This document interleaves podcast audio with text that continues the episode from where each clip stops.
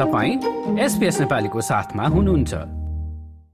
न्यूजील्याण्डमा आएको बाढ़ीमा परि अहिले आइतबार साँझसम्म कम्तीमा चारजनाको मृत्यु भएको छ र भारी वर्षा र बाढ़ीका कारण सड़क र बिजुली अवरूद्ध हुँदै अकल्याण्ड शहर ठप्प अवस्थामा पुगेको छ। अब यस बाढ़ीकै प्रसंगलाई निरन्तरता दिँदै अकल्याण्डका नेपाली बासिन्दाहरूलाई चाहिँ यसले कसरी प्रभावित गरेको छ त र वर्तमान अवस्था कस्तो छ र आफ्नो घरबारविहीन भएका नेपालीहरूलाई चाहिँ अब कता बसिरहेका छन् भनेर हामीले नेपालका अवैधानिक वाणिज्य दूत दिनेश खड्कासँग केही समय अगाडि कार्यक्रमभन्दा केही समय अगाडि कुरा गरेका थियौं।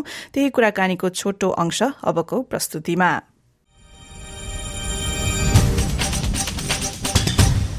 पहिलो प्रश्न चाहिँ दिनेशजी अब त्यहाँ अकल्याण्डको अवस्था के छ अहिले बाढीको?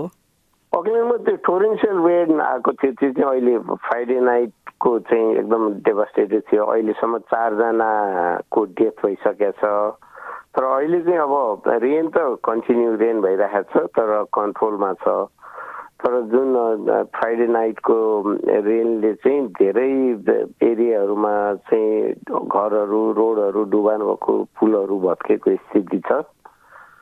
त्यही अहिलेसम्म नभए आज आजको स्थिति चाहिँ कन्ट्रोलमा छ।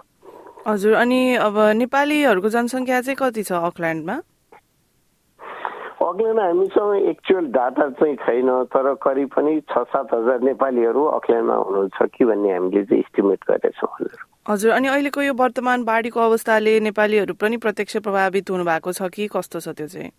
हुनुहुन्छ हुनुहुन्छ। धेरै नेपालीहरू अहिलेसम्म हाम्रो कन्ट्याक्टमा आउनुभएको चाहिँ तिनवटा फ्यामिली हुनुहुन्छ। उहाँहरूको चाहिँ गाडी सहित सम्पूर्ण सामानहरू कन्टेन्टहरू सम्पूर्ण नै ड्यामेज भएको छ किनभने दुई मिटर कसैको एक मिटरदेखि दुई मिटरसम्म भनेपछि एक होल लेभल पानीमा डुबेको थियो र त्यो फ्लड वाटरमा परेको सामानहरू चाहिँ उहाँहरूको सबै नै डिस्ट्रोय भएको छ ए हजुर अनि उहाँहरू अहिले चाहिँ कता बसिरहनु भएको छ त अहिले उहाँहरू साथीहरूको उहाँहरूकै साथीहरूसँग साथीहरूसँग एडजस्ट गरेर बसिराख्नु भएको छ ए हजुर अनि अब तपाईँहरूले कस्तो हिसाबले मद्दतहरू गर्दै हुनुहुन्छ? उहाँहरूलाई चाहिने के के सामानहरू म चाहिँ आफै स्थलगत भिजिट गरेर सबै मैले लिएरै आएको छु। उहाँहरूको केही पनि छैन। बेडदेखि लिएर टिभी फ्रिज वासिङ मेसिन कपडाहरू भन्न सबै उहाँहरूले आफ्नो पासपोर्ट चाहिँ लिन भ्याउनु भएछ। पासपोर्टदेखि बाहेक उहाँहरूसँग केही पनि छैन। अनि अब उहाँहरूलाई अर्को इन्स्ट्यान्ट प्रब्लम भनेको चाहिँ उहाँहरूलाई कोठा खोज्ने भएको छ। हामीले त्यसमा पनि अब सहयोग गर्नलाई कोसिस गरिरहेका छौँ। किनभने जुन ठाउँमा बसिराख्नु भएको थियो त्यसलाई कम्प्लिटली अब त्यो फिक्स गर्नलाई करिब दुई महिना जति लाग्छ दुई तिन महिनासम्म लाग्न सक्छ। इन्सुरेन्स प्रोसेसले गर्दाखेरि त्यो उहाँलाई इमिडिएट बस्नको लागि चाहिँ उहाँहरूलाई चाहिँ हामीले अब कोठा खोज्नको लागि पनि सहयोग गर्ने। अब हामीले अहिले आज न्युजिल्यान्ड टाइम पाँच बजे अनुसार चाहिँ यहाँको local organisation New Zealand Nepal society र एनआरएनए हरूसँग हामीले एउटा मिटिङ गर्दैछौँ। कसरी के हिसाबले हाम्रो भिक्टिमहरूलाई सपोर्ट गर्ने भन्ने हिसाबले चाहिँ हामीले मिटिङ गर्दैछौँ। अलिकति टेक्निकल्ली हामीलाई अप्ठ्यारो भएको चाहिँ भएको भन्दा गभर्मेन्टको सब्सिडिज गभर्मेन्टको सपोर्ट नपाउने उहाँहरू चाहिँ टेम्पोररी भिसामा हुनुहुन्छ। उहाँहरूको यहाँको रेजिडेन्स हुनुहुन्न। त्यो भएको भएर चाहिँ उहाँहरूलाई चाहिँ गभर्मेन्ट यहाँ त नभए धेरै गभर्मेन्ट अर्गनाइजेसनहरूले सपोर्ट गरिरहेका छन् तर उहाँहरू त्यसमा एलिजेबल नहुनु भएको कारणले चाहिँ हामीले अब लोकल अर्गनाइजेसनहरूसँग एनआइएनसँग मिटिङ गरेर कुन हिसाबले हामीले सपोर्ट गर्न सकिन्छ त्यसको चाहिँ हामी अब यहाँ न्युजिल्यान्ड समय पाँच बजे चाहिँ हामी एउटा मिटिङ गर्दैछौँ। हजुर अनि मद्दत चाहिनेहरूले सम्पर्क गर्ने सबैभन्दा उचित माध्यम चाहिँ के होला?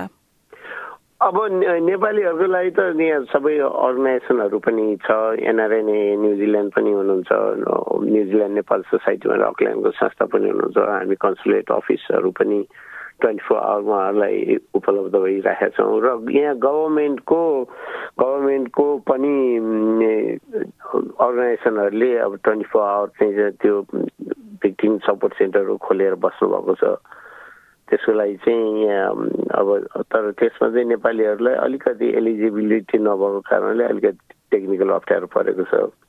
बेस कन्ट्याक्ट चाहिँ हामी हामीहरू नै छौँ। कन्सुलेट अफिसको फोन नम्बर चाहिँ एउटा फ्री फोन छ हामीसँग O eight hundred Nepal one भनेर। त्यो चाहिँ डाइरेक्ट मेरोमै आउँछ। ट्वेन्टी फोर आवर चाहिँ मैले फोनहरू रिसिभ गरि गरिराखेको छु। O eight hundred Nepal one भन्ने चाहिँ फ्री फ्री फोन नम्बर हो यो चाहिँ।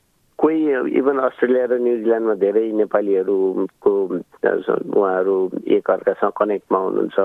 यदि हामीले हामीसँग कनेक्टमा नआउनु भएको यस्तो कोही समस्यामा परे हुनुहुन्छ अस्ट्रेलियामा हजुरहरूको त ठुलो नेटवर्क छ त्यहाँ सुन्ने कोही उहाँहरूको आफ्नो कोही मान्छेहरू हुन्छ साथीभाइ हुनुहुन्छ र उहाँहरूलाई सहयोग चाहिएको छ भने प्लिज हामीलाई कन्ट्याक्ट गर्नु लगाइदिनु होला। त्यही नै हाम्रो हुन्छ हामी यहाँ सबैलाई केही परेको बेलामा सहयोग गर्न हामी सधैँ तयार भएर बसेका छौँ। त्यस्तो केही पऱ्यो भने हामीलाई कन्ट्याक्ट गर्न लगाइदिनु होला। यहाँको रेडियो मार्फत म त्यही रिक्वेस्ट गर्न चाहन्छु। र श्रोता ब्रेन्दुनी थिए न्यूजील्याण्डका लागि नेपालका अवैधानिक अवैधानिक वाणिज्य दूत दिनेश खड्का।